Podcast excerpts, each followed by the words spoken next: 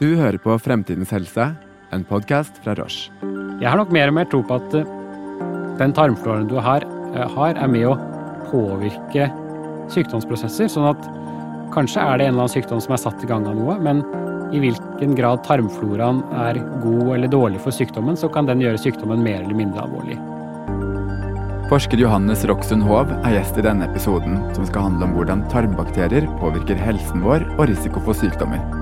Visste du at hele 1,5 kg av deg er tarmbakterier? Jeg heter Christian Windsbøl og håper du vet litt mer om hvordan du tar vare på tarmbakteriene dine etter denne episoden. Johannes Roxen Hov, velkommen. Tusen takk. Du er spesialist i fordøyelsessykdommer ved Rikshospitalet, Oslo universitetssykehus, og jobber mest med sykdom i leveren. Du leder også en forskningsgruppe for genetikk og tarmflora ved Institutt for indremedisinsk forskning, Universitetet i Oslo. Hvor viktige er bakteriene vi har i tarmen for hvordan vi har det? Eh, bakteriene i tarmen, det er veldig mange av de, jeg, så jeg tror at eh, det har ganske stor betydning for, eh, for kroppen vår, helsen vår og forskjellige sykdommer. Men akkurat hvor stor betydning, det er jo veldig vanskelig å si. Så det er mye vi ikke vet ennå eh, om bakteriene i tarmen også?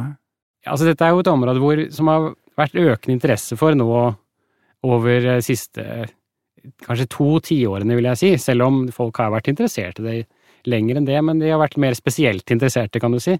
Så eh, nå studeres dette her i alle sykdommer, nærmest for mer eller mindre alle fenomener, så jeg tror vi vil vite mer uh, egentlig i løpet av uh, få år, men det tror jeg.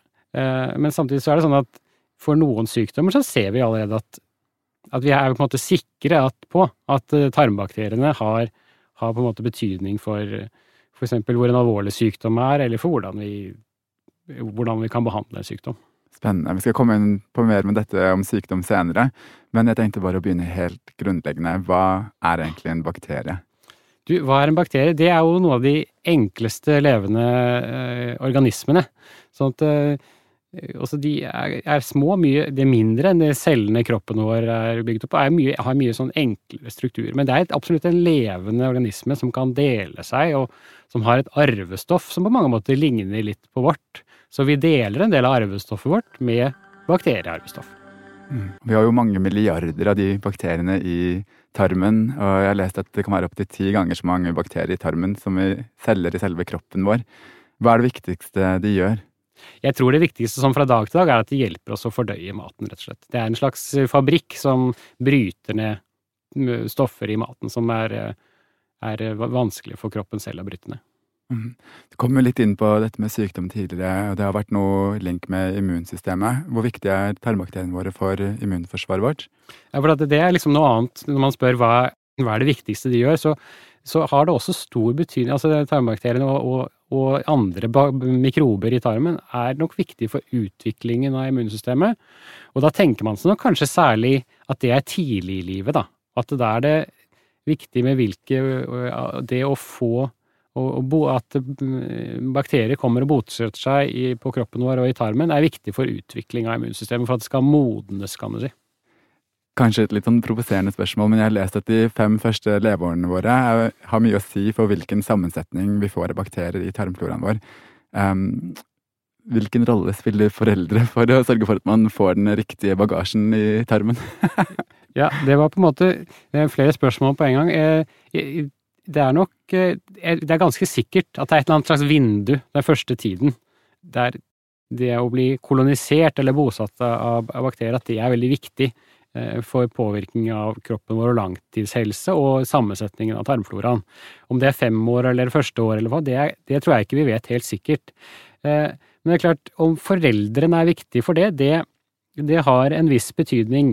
Det kan være og det kan være ting vi ikke har innflytelse på selv, eh, primært kanskje, hvor det er for ting som betyr noe for hvordan tarmfloraen din blir, er blant annet hvordan du blir født. ikke sant? Blir du tatt med keisersnitt, eller fødes du eh, vaginalt som, eh, på vanlig måte? Det har betydning for aller første floraen du får i deg, og deretter er det viktig eh, om man får, eh, blir ammet, eh, fordi det er det bakterier og spesielle sukkermolekyler i, i, i, i, brystmelken som er viktig for hvilke bakterier som eh, havner i tarmen. Og så er det jo Kosthold er jo helt essensielt. For alle som har hatt barn, vet jo at det skjer et eller annet dramatisk i tarmen til barnet idet du går fra å bare være for brystmelk til du får fast føde. Det er da du liksom får en, hva skal si, en, vok en voksen avføring i bleia. Um, og så uh, er det andre ting som man har mindre kontroll på, er, uh, er eksempel sykdommer. Men så kan være behandling av sykdom ha betydning. Altså bruker man antibiotika eller ikke. Så det er ganske mange forhold de første årene som er viktige for utvikling av tarmfloraen, men det er ikke så mange av de som hvor foreldrene har sånn uh, veldig uh, sterk mulighet til å påvirke, kanskje. Mm. Du var litt innom det nå, men vi har jo alle forskjellig tarmflora. Uh, kan du si litt mer om hva som påvirker tarmfloraen vår sånn gjennom livet? Ja, ja det er jo det er jo et ganske vanskelig spørsmål. Tarmfloraen er veldig forskjellig fra person til person. Ikke sant? Sånn at genetisk sett så er vi jo nesten helt like, du og jeg. Uh, kan du si 99,9% av arvestoffet er det samme, eller noe, eller noe, i den stilen. Mens bakteriesammensetningen i, i, i, tarmen kan kanskje bare kanskje halv, halvparten overlapp, da, sånn i, i, gjennomsnitt, som for å bare ta et røft anslag.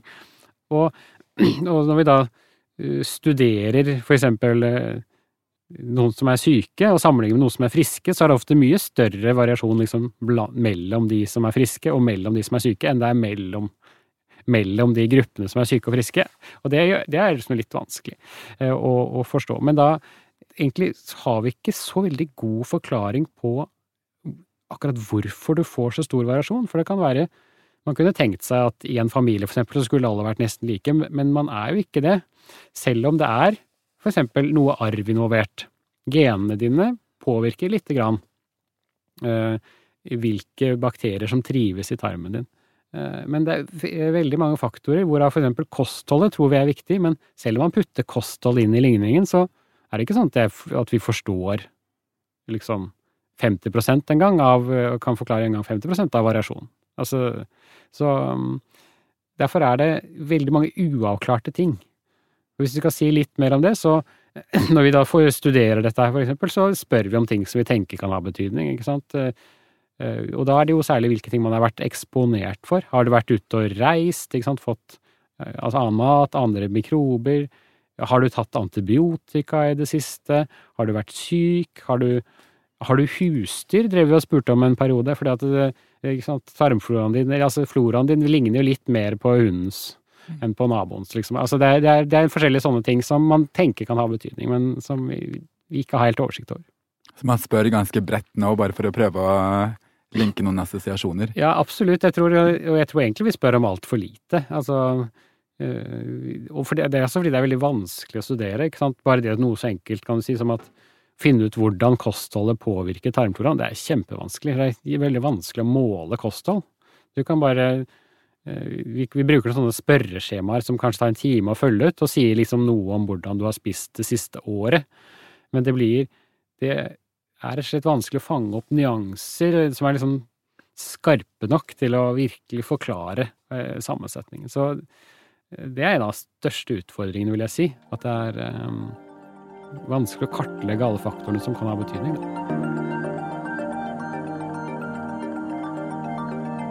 Nå har vi snakket litt generelt eh, om tarmflora og bakterier, så jeg tenkte vi kunne bytte temaet litt eh, mot eh, sammenheng med sykdom.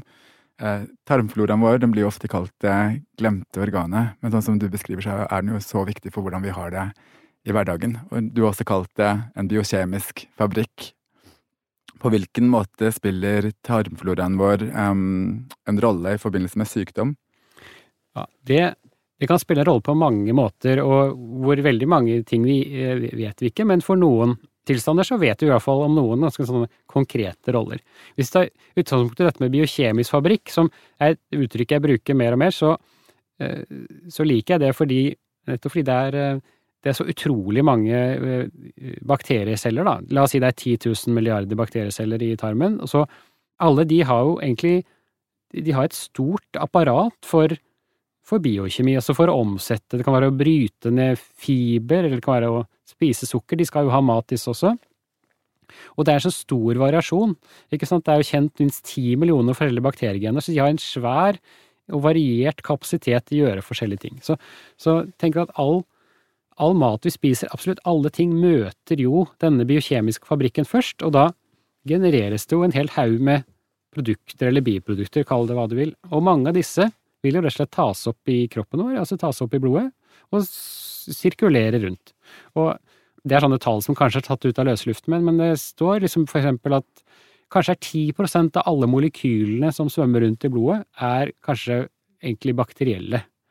Og mange av de vi vet vi ikke navnet på, vi, vet i hvert fall ikke at de kommer fra mikrobene. Og disse kan jo da bevege seg rundt og, påvirke kroppens organer. Så, så det finnes eksempler, da, at et sånt klassisk eksempel knyttet til hjerte-karsykdom, eller åreforkalkning, som det skjer en sykdom i blodårene, og så kan, det, kan, de bli tette, og så kan man få blodpropp og få hjerteinfarkt, for eksempel. Og der var det for en del år siden noe, en, en, forskningsgruppe som ville lete etter mekanismer, egentlig blodprøver, som kunne si noe om sjansen for å, for å få sånn sykdom. Og så da undersøkte de ganske bredt forskjellige molekyler i blodet, og så fant de et signal, kan vi si, et molekyl, som man akkurat da ikke visste hva var, som, var, som veldig mange som hadde sånn hjerte-karsykdom, hadde mye av. Og så jobbet de da med kjemi og biokjemi for å finne ut av hva dette var, og så viste det at det var et stoff som, som heter trimetylaminenoksid. Eh, det er litt komplisert, men la oss kalle det TMAO, som er forkortelsen for det. Og dette stoffet TMAO, det var det veldig mye av hos de som fikk eh, hjerte-karsykdom. Eh, og det var sånn at hvis man ga dette stoffet til noen mus, så fikk de også tilsvarende hjerte-karsykdom. Så man tenkte seg oi, dette er en molekyl som kanskje faktisk er med å, å drive sykdomsprosessen. Det som er interessant med det stoffet, er at det, det lages i og for seg i leveren, men det leveren bruker til å lage stoffet, det lages bare av tarmbakterier. Sånn at du er helt avhengig av tarmbakterier som lager det forløperen til TMAO for å få dette stoffet i blodet. Og det bakteriene bruker for å lage det, det er ting som vi finner i vanlig mat. Noe som heter kolin og karnitin. Du finner det i rødt kjøtt og egg og ost og forskjellige sånne ting. Så i denne litt fascinerende historien, da, for å oppsummere det, så har man da plutselig en link fra maten, hva du spiser, hvor mye sånn kolin og karnitin du har i maten din, til om du har bakterier, og nok av de, som har den aktiviteten til å lage denne forløperen til stoffet TMAO, som da svømmer rundt i blodet, og ikke bare kan vi måle det og si noe om du har en sjanse for å få hjerte-karsykdom, men faktisk TMAO i seg selv driver hjertesykdommen. Og, og, og, dette er jo på en måte et slags eksempel, sånn kan man tenke seg for mange sykdommer, at du har eh, at tarmfloraen er en slags link mellom den eksponeringen, altså det miljøet der ute som vi vet, eller har stor tro på påvirker sykdom, men vi vet ikke så mye om det.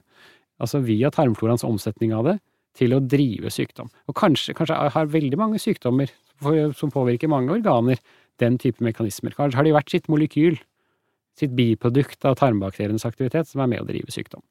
Så det er liksom én modell, bare, av veldig mange forskjellige. Veldig spennende eksempel. Så bakteriene i tarmen sender et signal inn til kroppen som øker risiko for sykdom i visse tilfeller. Det, det er sånn det, man kan se på det, og faktisk også da med å, å, å, å, lage sykdommen. Og noen ganger skal man tenke seg at det faktisk er årsaken til sykdommen. Altså at uh, uten disse tarmbakteriene som laget et sånt signal eller et molekyl, så fikk man ikke sykdommen. Men jeg har nok mer og mer tro på at uh, den tarmfloraen du har, uh, har, er med å påvirke sykdomsprosesser, sånn at kanskje er det en eller annen sykdom som er satt i gang av noe, men i hvilken grad tarmfloraen er god eller dårlig for sykdommen, så kan den gjøre sykdommen mer eller mindre alvorlig. Det er i hvert fall en ting som er mye lettere å studere, for at det er helt håpløst eh, vi skal studere sykdommer som vi ikke vet så mye om. Og så det å finne ut av hva som faktisk forårsaket sykdommen, hva er det som startet det, det er jo kjempevanskelig, for når vi ser de syke, så har det gått mange år, gjerne, og det som i sin tid satte det i gang, kan jo være borte for lenge siden. Mens det er nesten mer interessant å finne ut av hva er det som gjør om sykdommen utvikler seg i en god eller en dårlig retning. Eh, og hvis det da er tarmbakterieaktivitet, for eksempel, da, så, eh, og vi klarte å finne mekanismen for det, så ville det vært kjempebra, for denne, det kan vi jo plutselig påvirke. Og så kan vi da behandle sykdommen, helt uavhengig av hva som er årsaken, men, men vi kan behandle det som er med å gjøre sykdommen eh, Hva skal vi si, om den er alvorlig eller mindre alvorlig, da. Mm, spennende. Vi skal komme litt tilbake til det senere, men først har jeg et uh, spørsmål til deg. Det er jo litt snakk om årsak og virkning, eller høna og egget. Hva er det som egentlig kommer først? Er det dårlig tarmbakterieflora som øker risiko for sykdom, eller kan man ha sykdom som påvirker uh, tarmbakteriene? Ja, det er jo et veldig godt spørsmål, kanskje et av de viktigste spørsmålene vi holder på med. Det, og da vil jeg trekke inn litt det jeg sa i sted også, fordi at det som er helt sikkert, er at, at det, er, på en måte begge deler. Når vi, når vi jobber med en forsker på en sykdom, eller en leversykdom, da, som er det jeg særlig er interessert i, så har jeg jo en, i utgangspunktet en veldig enkel modell. Det er noe gærent i tarmen, det påvirker noe i leveren, sånn at den blir syk. Men det som, er, det som vi vet ganske mye om, er at når leveren er syk, så påvirkes tarmmiljøet i stor grad. Sånn at det er en toveiseffekt her. Og, og, så kan vi si men det, alt det vi finner i tarmfloraen, skyldes det kanskje bare at leveren er syk, og ikke det i hele tatt har noe med det at leveren ble syk å gjøre. Og det er mulig, men, men det er da jeg tenker litt at disse hva skal vi si, sykdomsmodifiserende effektene kan ha betydning. Jeg tror det er sånn at selv om tarmfloraen er forandret kanskje i stor grad fordi du har en sykdom, så kan likevel den tarmfloraen du har til enhver tid være med å påvirke sykdommen. Så du kan tenke deg um, at jeg er leversyk, og så har jeg Det har forandret tarmfloraen min, men eh, hos noen så er den tarmfloraen forandret, forandret på en måte som er gunstigere for leveren enn andre som kanskje har en mer ugunstig forandret tarmflora. Sånn at det er ikke så viktig, eller det er i hvert fall ikke kritisk, at uh, at, vi, at mye, mange av de tingene vi ser på, faktisk skyldes sykdommen. Eh, fordi vi tror at eh, altså likevel kan det være ting der som er med å gjøre sykdommen bedre eller verre. Da. En ting som, eh, som, særlig er interessant for tiden, og som studeres mye, er jo om tarmbakteriene kan ha betydning for effekten av behandling også. Og et felt hvor dette særlig er interessant, er egentlig immunterapi, og som da måtte ha revolusjonert en del kreftbehandling de senere år. Og det som, det som viser seg, er at hva slags tarmflora du har, kan ha betydning for om du har effekt av behandlingen eller ikke. Og man har gjort forsøk der man eh, overfører tarmflora til mus fra folk som har eh, svart på behandlingen, og andre som ikke har hatt effekt av behandlingen. Og så viser det at mus, som har da kreftsykdom også, de får da bedre effekt av immunterapi hvis de har fått hva skal vi si, responder-tarmflora, enn fra de som ikke har hatt effekt. Og dette, dette er det et svær interesse for, og dette, dette kommer vi garantert til å få vite mer om, fordi det vil ha så stor betydning hvis man kan faktisk snu noen fra å være til å ha, ikke ha effekt av en sånn behandling, til å ha effekt av behandling. Så kan man tenke seg en type kombinasjonsbehandling i fremtiden av tarmbakterier og f.eks. immunterapi? Ja, utvilsomt. Sånn da driver man jo kreftbehandlingen allerede. ikke sant? At man legger til adjuvans, som vi sier, altså legger noen sånn tilleggsbehandling som skal bedre effekten. Og helt tilsvarende kan man tenke seg at en, en liten dytt i tarmfloraen, eller kanskje et kostholdsråd for den saks skyld, eller et tilskudd, kan være det som skal til for å gi, være, ha større sjanse for å ha effekt av behandlingen. Mm. Hvor, eh, hvor, mye er det som man egentlig vet om, eh, om mennesket og viktige ting som er i mennesket i forhold til dyrestudier? Eh, de beste tingene, de tingene man vet mest om, der bruker man på en måte begge deler. Det er vanskelig i mennesket å bevise at noe eh, forårsaket noe annet, uten at man gjør veldig uetiske ting. Ikke sant? Fordi vi hvis vi er interessert og vi lurer på om disse tarmbakteriene her kanskje forårsaker en sykdom, så kan vi ikke gi det til noen og så se om de får sykdom. Men det vi kan gjøre, og og det, det, vi har lært mye. Det er litt som eksempler fra denne TMAO, hjerte-karsykdom. Eh, vi kan gi det stoffet til mus. Så vi, vi fant noe i mennesker, men så prøver vi det ut i mus og ser om det, oi, det driver faktisk sykdommen i mus. Da er jo det en ganske sterk indikasjon på at du har en faktisk årsak og virkning. Og andre eksempler er jo det å, å ta tarmflora fra mennesket og overføre til mus, og se hva som skjer. Og der har du massevis av gøye eksempler. Eh, jeg sier gøye, men det er jo mest fordi det er så fascinerende at man kan eh, overføre sykdom bare ved å overføre tarmflora. Eh, og hvis vi tar, da, da kan vi ta utgangspunkt i for eksempel, noe det er studert mye, som er overvekt. Og, og det er sånn at overvekt, det uh, i sånn i gjennomsnitt så har man da en litt, hvis man er overvektig, har man en litt annerledes tarmflora enn hvis man er normalvektig. Og så er det gjort studier der man har, hvor det egentlig har brukt tvillinger, som da genetisk sett er ganske like, men som likevel hvor den ene er overvektig og den andre er slank, og så har de overført tarmfloraen fra disse to til mus som i utgangspunktet er bakteriefrie. Og da er det sånn at har man sett at de musene som får tarmflora fra overvektig, den overvektige tvillingen, de blir mye fetere enn de som får fra den slanke tvillingen, selv om de har det samme kaloriinntaket. Så det er et eller annet med hvordan da tarmfloraen faktisk påvirker håndteringa av, av, maten. Og, og, det betyr jo ikke at overvekt her i verden skyldes eh, at tarmfloraen er forstyrret, men det betyr at den tarmfloraen når man har når man er overvektig, kanskje kan være med å drive eller opprettholde en sånn tilstand. Det er fall, og det er ganske sterkt bevis for det, egentlig. Det er i hvert fall sånn min fortolkning av det. Mm, så noe av fremtidens eh, behandling av overvekt kan kanskje ligge i eh, overføring av tarmbakterier?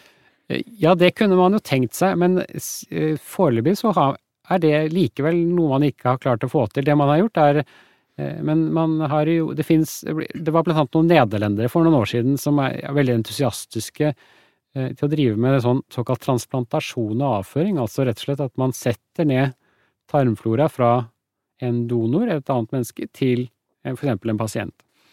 Og de hadde noe som het Fat Loose Trial.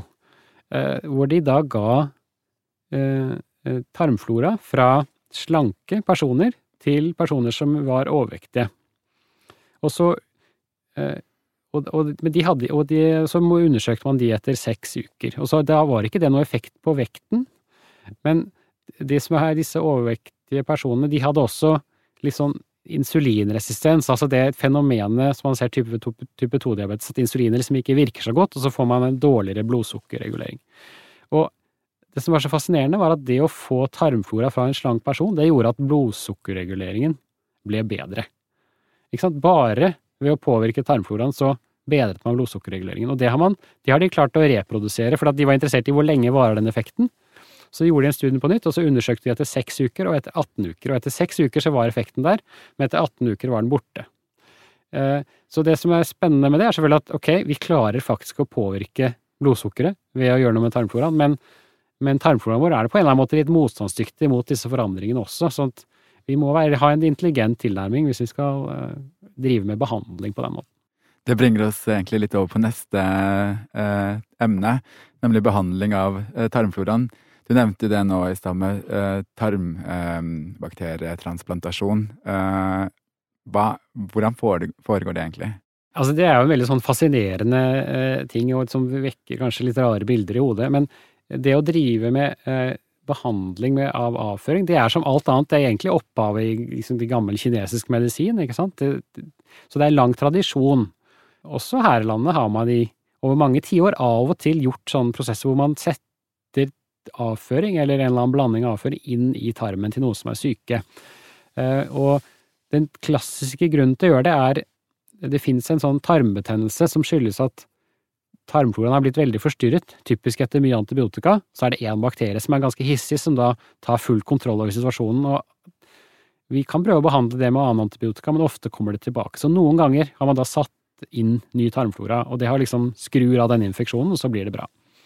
Eh, og da er det mange måter å gjøre det på. Ehm, og én måte er rett og slett, eh, litt overraskende kanskje, å gå ovenfra. At man bruker en Det er jo sånne slangeundersøkelser, eller en sonde som man kan sette ned i øverst, altså nedenfor magesekken, øverst i tynntarmen. Og da er det typisk en, en Det er jo rett og slett en blanding av avføring og eh, noe saltvæske og sånn, så, som er mikset og så filtrert, sånn at det ikke skal være så mye partikler. Og så setter man dette inn. Og det kan være flere 100 milliliter, ikke sant, eh, så ganske stort volum. Eh, men alternativet er å gjøre det nedenfra, altså, som kanskje virker mer logisk, da. At man eh, går opp med i tykktarmen, et eller annet stykke, og setter inn et relativt stort volum med sånn ja, blandet avføring, rett og slett. Altså det er overføring av levende bakterier, på en måte, ikke i tablettform? Ja, nei, altså det er jo et godt poeng at dette her er, blir jo ikke Eh, en blockbuster og folkemedisin og sånn, hvis du skal ha dette formatet på behandlingen. Så at det har vært jobbet mye med å putte dette her i kapsler, for eksempel. Frysetørke. Poenget er at du må jo ha levende mikrober. Eller så, i hvert fall i teorien, så bør man ha det for de fleste tilstander, sånn at de kan ha mulighet til å ta bolig og, og vokse videre. Eh, men poenget er at du er fortsatt avhengig av å ha ganske mange Eh, bakterier. Eh, det krever et visst volum, så selv om det er en kapsel, så er det ikke sånn at det er én kapsel, det er kanskje en neve kapsler, da. Som, som, må til. Men det prøves det en del ut, da, om det er like effektivt, for eksempel, som, som, som ting som ikke har vært behandlet på den måten.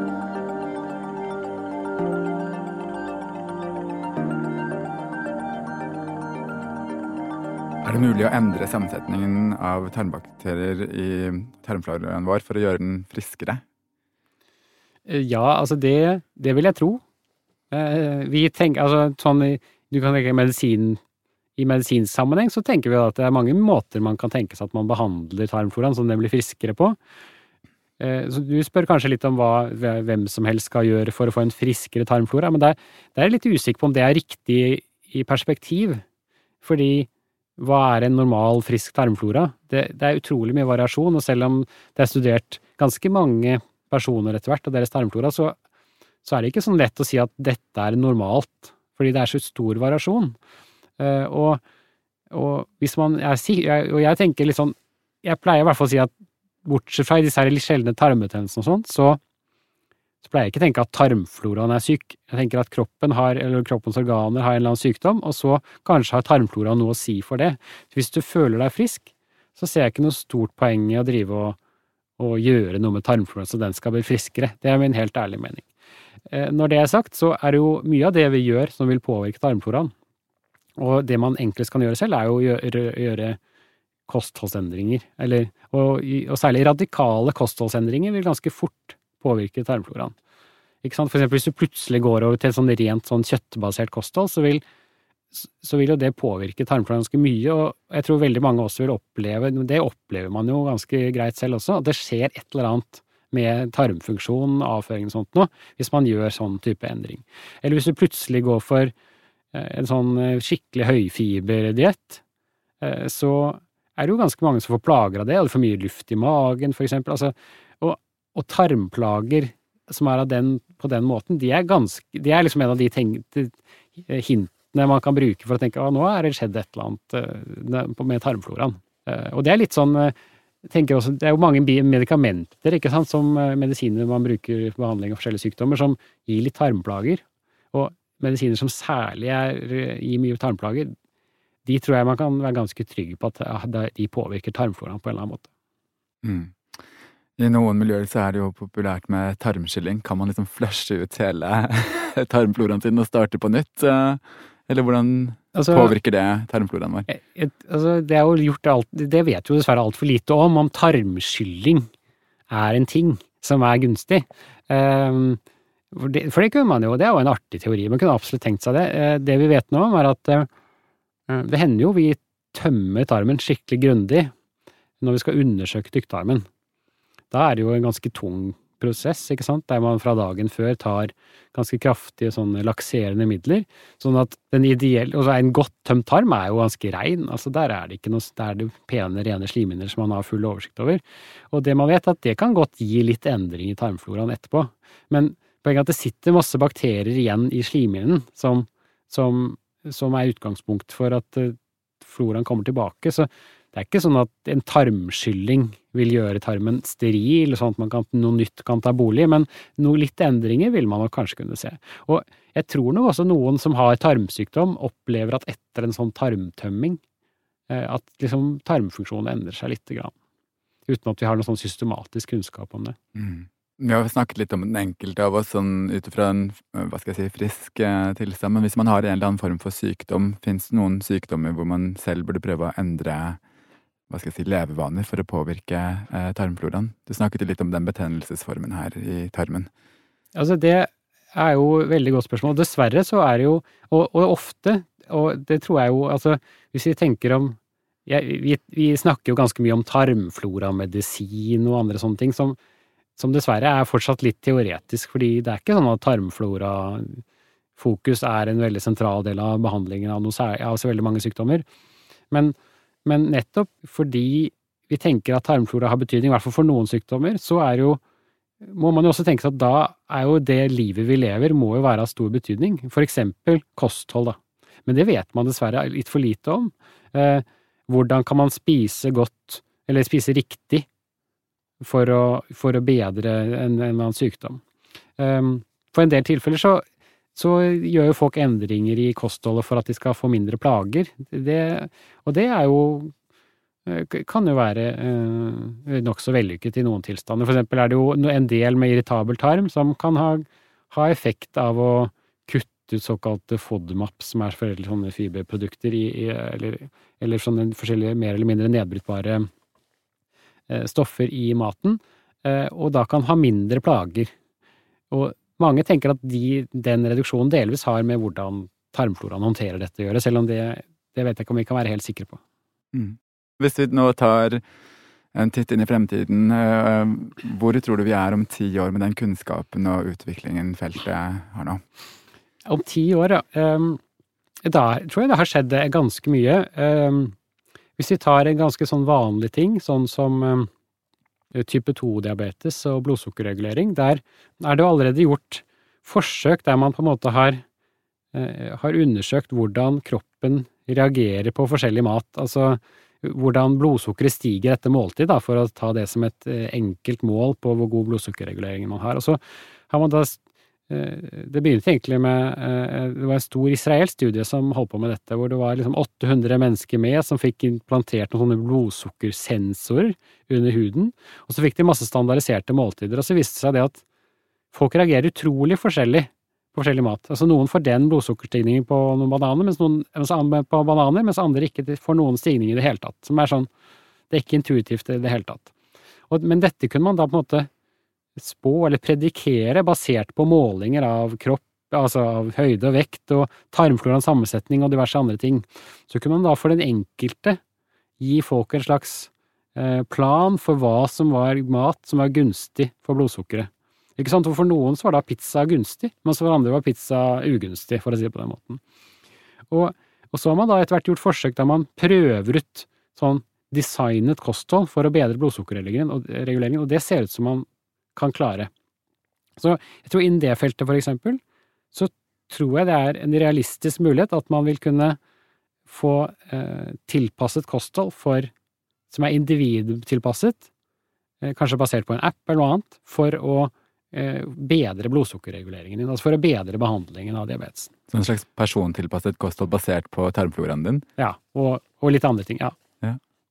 Så, så det, det, er, det, er, et av de feltene der man kanskje har kommet lengst i den retningen.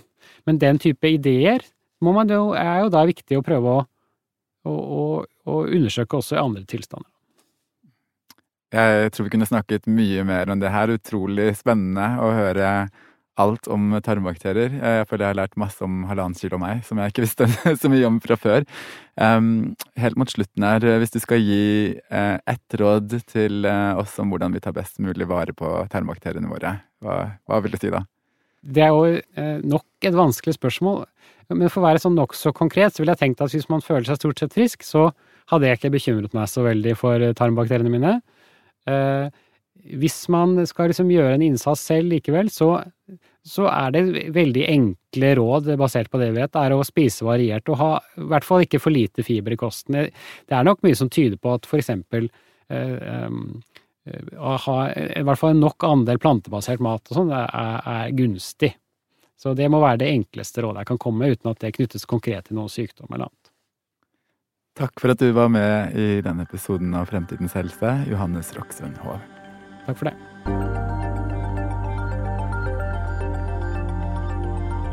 Takk for at du lytter til Fremtidens helse, en podkast fra Roche. Abonner på denne podden for å høre mer om hvordan din og min helsetjeneste er i dag, og hva vi håper på for fremtiden.